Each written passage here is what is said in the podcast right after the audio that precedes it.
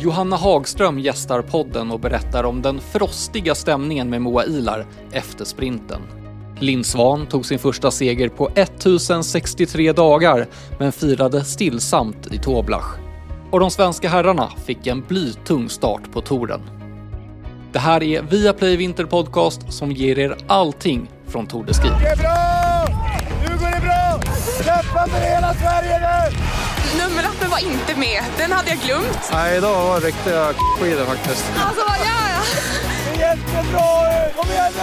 Jag ska fan dö över den där jävla mållinjen.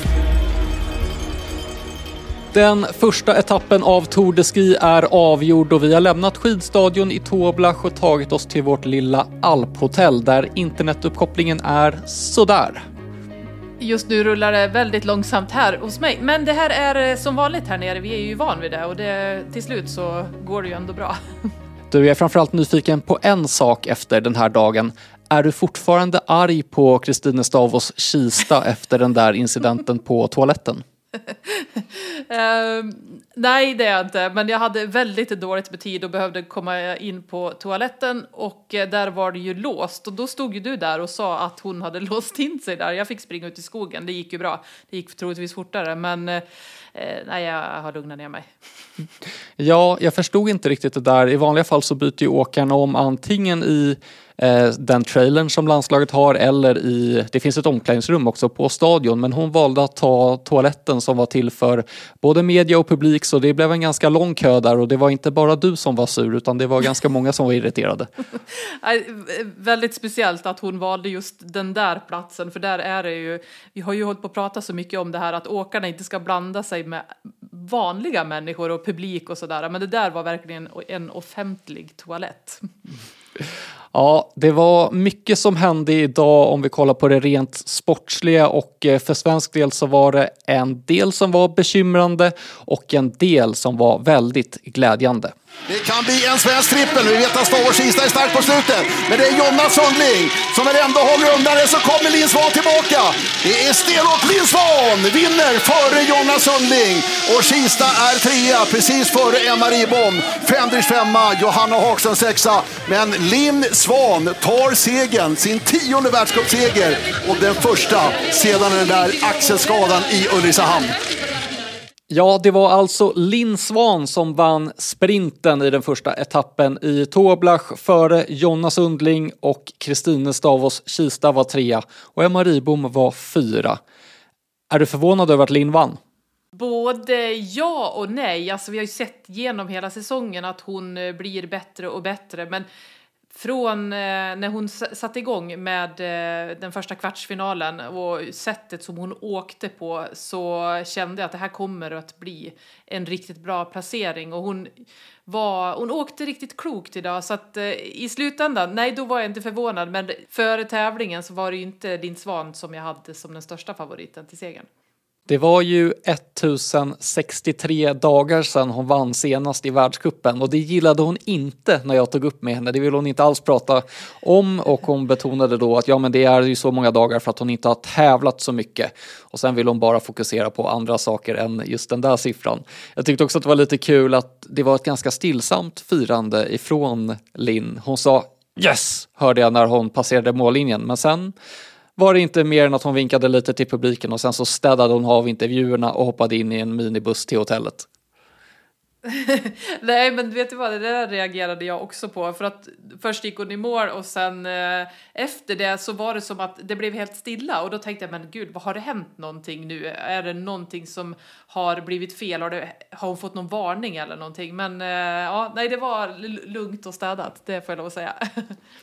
Så våra sprintspecialister på damsidan, de levererade verkligen, men tittar vi på de två namnen som vi väl tror mest på i totalen, Frida Karlsson och Ebba Andersson, så gick det inte riktigt lika bra.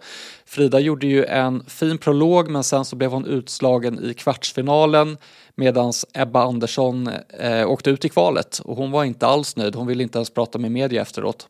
Nej, det var väl egentligen inte så oväntat att Ebba inte skulle gå vidare. Hon hade absolut chansen, men då måste hon göra en sån här super, ett superkval för att kunna gå vidare. Hon var, som du säger, hon var besviken. Jag förstår det, för att eh, det betyder väldigt mycket att gå vidare bland de 30 bästa och få bonussekunder. Så där, nu ligger ju Ebba ganska långt efter inför morgondagen då, och framförallt jaktstarten som kommer på måndag.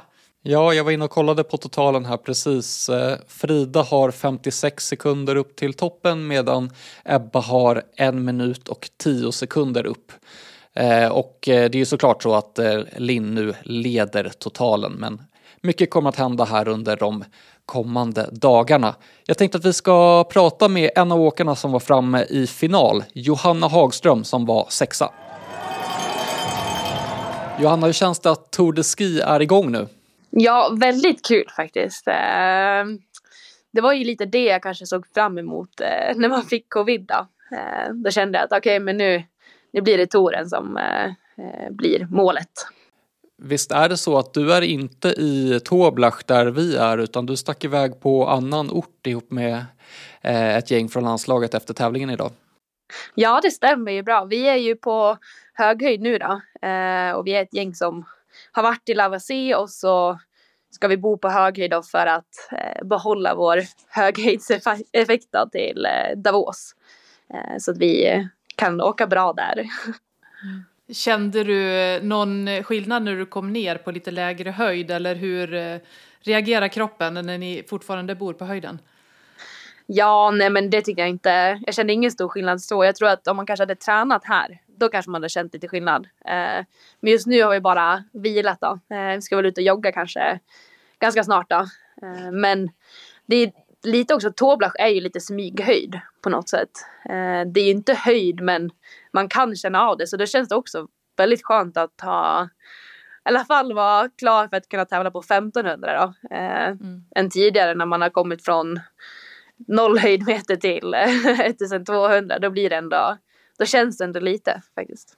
Johanna, du har ju en lång sprintdag bakom dig där du tog dig hela vägen fram till final. Nu har det gått eh, några få timmar här. Hur mår kroppen egentligen efter en sån här urladdning? ja, man är ju lite trött alltså. Jag höll ju på att missa den här intervjun ju för att jag la mig i sängen och så bara just det, jag skulle ju vara här ju. Men ja, det blir ju lite en urladdning. Jag tycker framförallt efter en sprinta så blir det mentalt urladdning eh, kroppen, ja, den var ju stum i benen men eh, den återhämtar sig ganska snabbt men men huvudet blir ju ganska slött när man, eh, när man kommer tillbaka till hotellet så att eh, ja, det är väl bara att ladda om. Men du måste väl ändå vara väldigt nöjd med eh, det du har gjort idag? Ja, jag är väldigt nöjd. Det var ett steg framåt, ett stort steg framåt eh, mot vad jag levererat den här säsongen. Eh, så det var otroligt skönt. Eh, sen är det klart att jag stumnar ganska mycket i finalen då, men jag är ändå nöjd att jag försökte och gav det en chans då. Eh, men ja, nej, jag kände väl där i den där branta backen att nej, det här, det här går inte för mig, inte nu. Men eh, jag är väldigt nöjd med min eh, semifinal i alla fall. Jag tycker att eh, jag känner mig pigg rakt igenom så att jag hade lite förhoppningar åt i finalen men ja, det var mer stumma ben än man kan tänka sig. Jag måste fråga om en grej som hände under eh, den här sprinten. Det var ju en incident med Moa Ilar i kvartsfinalen. Jag har bara pratat med Moa om det hittills. Hon sa att hon var skitförbannad på dig för att du hade, du hade stängt henne lite grann in på upploppet och hon blev ju utslagen där. Så sa hon att hon hade pratat med dig och du hade bett om ursäkt. Nej, det har hon faktiskt inte gjort. hon har pratat med mig, men jag kom fram eh, till henne efter racet och eh, och fråga lite för jag märkte ju liksom att, eh, att jag tror att jag var lite tuff mot henne. Eh, jag tycker inte att jag var oschysst på något sätt men eh, det är klart att jag var, jag var tuff mot henne och jag ja, blockade henne lite på spurten då. Men eh, ja, jag gick ju fram till henne men hon sa ingenting till mig så att så det hade jag väl ändå hoppats att, eh, att Wendy kunde ta det i laget istället för att gå ut i media. Mm, det hon sa till mig var nog att, hon, att du hade bett om ursäkt men ni hade inte pratat om det. Nej men... exakt, nej för jag bad om ursäkt. Eh, eller frågade i vart fall hur det var för jag visste, man vet ju heller inte riktigt vem det är som är bakom en. Det hade ju lika gärna kunnat varit någon annan. Eh, mm. Så att ja. Men det är väl så sprint fungerar. Ja, men hur är det där? Att tänker man annorlunda när det kommer en svensk åkare jämfört med om det hade varit från en annan nation? Eller är det bara alla tävlar mot alla? Ja, men alltså man försöker ju ändå liksom, alltså inte förstöra för varandra. Eh, så är det ju. Men det är ju väldigt svårt när vi är så många bra svenskar och det är ju en individuell sport vi ändå håller på med. Eh, så att, ja, och sen har man ju inte jättebra koll heller. Du ser ju i princip bara framåt och lite åt sidorna så att du vet ju inte vem som är bakom dig. Eh, om du inte kollar bak då, vilket jag inte gjorde. eh, men min plan var väl liksom in på på spurten att ta en lite, lite vidare kurva då eh, och sen liksom skära in då. Eh, och jag, jag såg väl det här nu innan liksom och man ser ändå att jag skär ju in men jag är ju ändå lite före så att eh, jag tycker inte jag gjorde någonting fult så men eh, det är klart att ja, jag hindrar ju hennes, alltså hennes framfart där på spurten. Jag vet att du har pratat tidigare om att du behöver bli lite tuffare och ta för dig lite mer i hiten. Det här var väl ett exempel på det då? Ja, men exakt. Jag tycker ändå att jag tog för mig mer och tog lite mer plats och det är jag faktiskt väldigt nöjd med. Eh, det känns som att kanske den här säsongen har jag varit lite snäll, släppt fram någon lite där och här.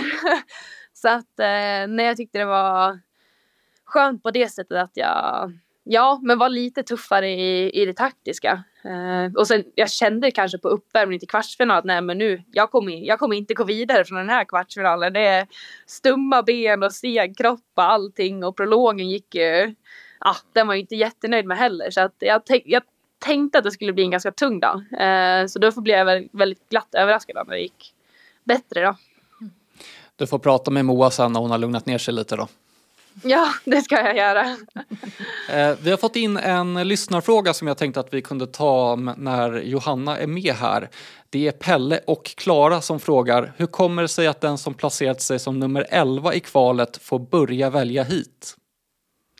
Um, men ja, just det, ja, nu hängde jag med. Nej, men det blir ju Eh, ettan vill väl ha liksom de bästa förutsättningarna eh, och då är det lite oschysst om ettan väljer först för då vet ju inte den vart de bästa ska gå då. Eh, så tanken är väl att ettan ska få se vart de tio bästa i prologen då väljer hit. Eh, så egentligen är det ju väldigt bra att bli tolva då. mm. för då får man ju se vart alla de elva bästa i prologen väljer. Men eh, ja, så 11 då blir det ju, då har du ju ingen aning om vem du går med när du väljer. Eh, men väljer du etta så vet du i alla fall vart de tio främsta i prologen väljer. Mm. Hur brukar du tänka när du väljer hit? Ja, eh, det beror på kanske lite på känslan. Jag vet att i Trondheim då försökte jag välja på att gå ett snabbt hit eh, och då tänkte jag att Diggins hade, hon brukar alltid gå ganska snabbt i sina hit så då valde jag hennes hit då. Eh, sen gick inte det tillräckligt snabbt. Men eh, ja, det är väl lite också hur man känner. Om man har en bra dag då kanske man vill gå i, i den första delen av halvan eller har man lite tyngre eller känner att man vill gå längre då kanske man går i andra eller ja. Det är lite, lite beroende och oftast går man på ganska mycket känsla. Jag hade tänkt att välja hit fem idag då. Eh, när jag stod där men sen så valde Maja det och då blev jag lite så här, ah, kanske väljer hit tre då. Mm. då blev det väldigt många bra i, i hit fem. Mm. Men det är ändå så att ni i Sverige, ofta så blir det ju så att ni delar upp er och blir, det, blir jämnt fördelade. Är det någonting ni pratade om innan eller hur eh, går tankarna där? Ja, jo men så är det ändå.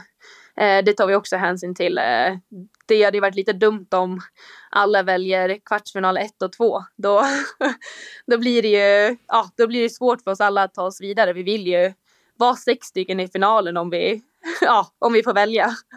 Så att då, då lär det ju bli att några går i de senare eh, kvartsfinalerna och ja, och det diskuterar vi väl också lite och, och se till så att vi inte blir fyra svenskor i, ett, i en kvartsfinal då.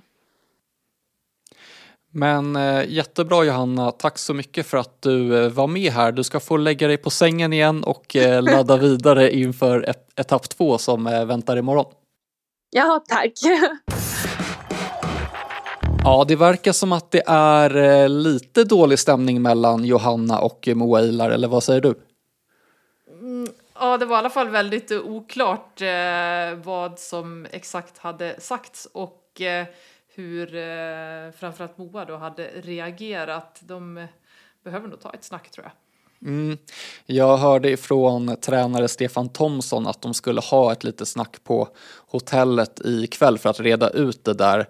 Moa Ilar bor ju också i Antholts eftersom hon var en av de som laddade på höjd. Så eh, vi får väl hoppas att de lyckas eh, reda ut det där över en kaffe kanske ikväll.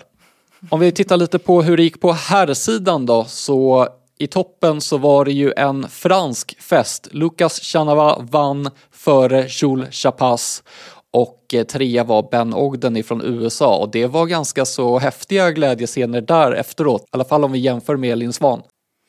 Ja, det är ju alltid så här när det är någon nation, eh, till exempel eh, Italien, Frankrike nu då, i det här fallet. När de vinner, eller det är, i alla fall är topp tre, då är de ju helt galna i ledare och vallare. Det är ju skithäftigt att se det där.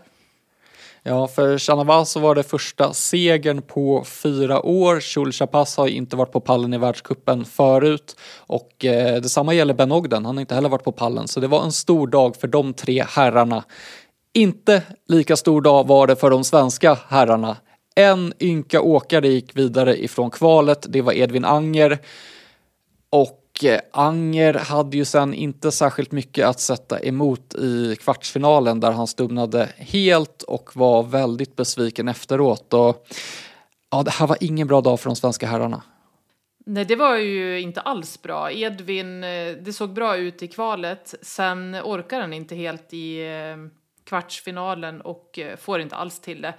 Och ser man till de andra svenskarna så underpresterar de ju i stort sett allihopa. Och det är det som är lite så här, äh, när det går dåligt för många så um, kanske det är någonting som ändå gör att uh, vi inte har fler som går vidare från ett kval. Jag hade ändå tänkt att mm, tre, fyra stycken absolut hade, skulle kunnat klarat av det där. Äh, men uh, nej, det blev inte så idag. Nu låter det som att du lite försiktigt antyder att eh, skidorna kanske inte var bra. ja, precis. Nej, det, jag, ska, jag vill inte säga att det var så, för det har jag absolut inte fått bekräftat. Däremot har jag bara hört några sådana små tendenser till det. Det kan mycket väl vara så att eh, skidorna inte var på topp idag och ska man klara av att gå vidare så måste allting fungera och det måste vara bra form. Men idag stämde det inte för de svenska åkarna och eh, eller för de svenska herråkarna ska vi säga. Eh, de var ju besvikna, ledarna var besvikna så att det är jättetråkig dålig start på den här Tour de Skin. Jag pratade med Kalle Halvarsson efter sprinten. Han var ju också väldigt besviken. Han har ju varit eh, sjuk här inför och han sa att det troligtvis är sjukdomsperioden som gjorde att kroppen kändes riktigt seg och han trodde inte heller att det kommer att kunna lossna redan till morgondagen, etapp två, då det är 10 kilometer klassiskt. Så han, ja, han dömde väl ut sina chanser i den här touren egentligen. Ja, och det är ju också det som är lite faran med Kalle Halvarsson. Han är ju väldigt upp och ner, det har vi ju fått lära oss med honom. Och om han ska kunna vända det här så gäller det ju också för honom att rent mentalt kunna tänka att han kan vara bättre än så här. Nu är han eh, ganska långt nere och eh, han måste få dels bättre form och han måste också kunna börja tro på sig själv och det är, det är en bit bort alltså. Du, en sista grej som jag skulle vilja fråga dig om innan vi rundar av här. Det är apropå Edvin Anger. Du gjorde ju en sån här banrapport med honom som gick i vår sändning där du fick åka runt hela banan med honom och han berättade hur han tänkte kring alla olika detaljer på den här banan. Och till exempel i fotboll, det är sällan man ser någon som är ute med Victor Nilsson Lindelöf inför en landskamp och, och går runt på planen och pratar om olika detaljer i taktiken. Det är ju lite speciellt det här att, att vi får göra det. Hur är det, tycker du, att göra de här och vilka åkare ställer inte upp på det? Eller kör alla med dig? Ja, men ja, precis. Bra fråga. Um, det är ju jättekul att göra det här. Det är uh, intressant att höra vad de säger, som Edvin idag. Och framförallt så är jag jätteglad att de ställer upp. Och jag har nog aldrig... Jo, jag fick ett nej från Ebba Andersson en gång men då visade det sig att hon hade missuppfattat vad vi skulle göra. Sen, och det var förra året här i Toblach. Sen eh, slängde jag på henne en eh, mikrofon och vi åkte ett helt varv och det blev en, eh, väldigt trevlig eh, fem kilometers runda som jag fick med Ebba Andersson. Hon eh, var ju på strålande humör. Jag tror, eh, nej jag har aldrig fått nej. Jag är, och jag är lika glad varje gång som de tackar ja. Har du några nya på gång eller? Nej, jag har inte det. Jag eh, har imorgon så, alltså på söndag så har jag gjort en liten intervju med Jens Burman och på måndag så är det då Theodor Pettersson som är med på barnrapporten. Sen får vi se vad det blir till Davos. Theodor Pettersson, det är ju riktigt mäktigt. Ja, han eh, är duktig när det kommer till taktik och håller fortfarande god vigör och eh, väldigt bra form. Mm. Eh, vi ska faktiskt iväg och äta middag nu ihop med Theodor Pettersson bland annat och flera andra av våra kollegor så vi ska runda av här och eh, det som väntar i morgon söndag det är alltså 10 km klassiskt med intervallstart. Och vi börjar sända i TV6 och Viaplay från och med klockan 11.45. Så det är bara att slå på TVn då så får vi hoppas att eh, framgångarna fortsätter för de svenska damerna och att de svenska herrarna rycker upp sig lite grann. Ja, precis, rycker upp sig. Det var exakt det ordet jag hade tänkt att säga. Det får vi verkligen hoppas att eh, herrarna gör. Men eh, nu är jag hungrig och jag vill ha mat. Ja, nu blir det middag.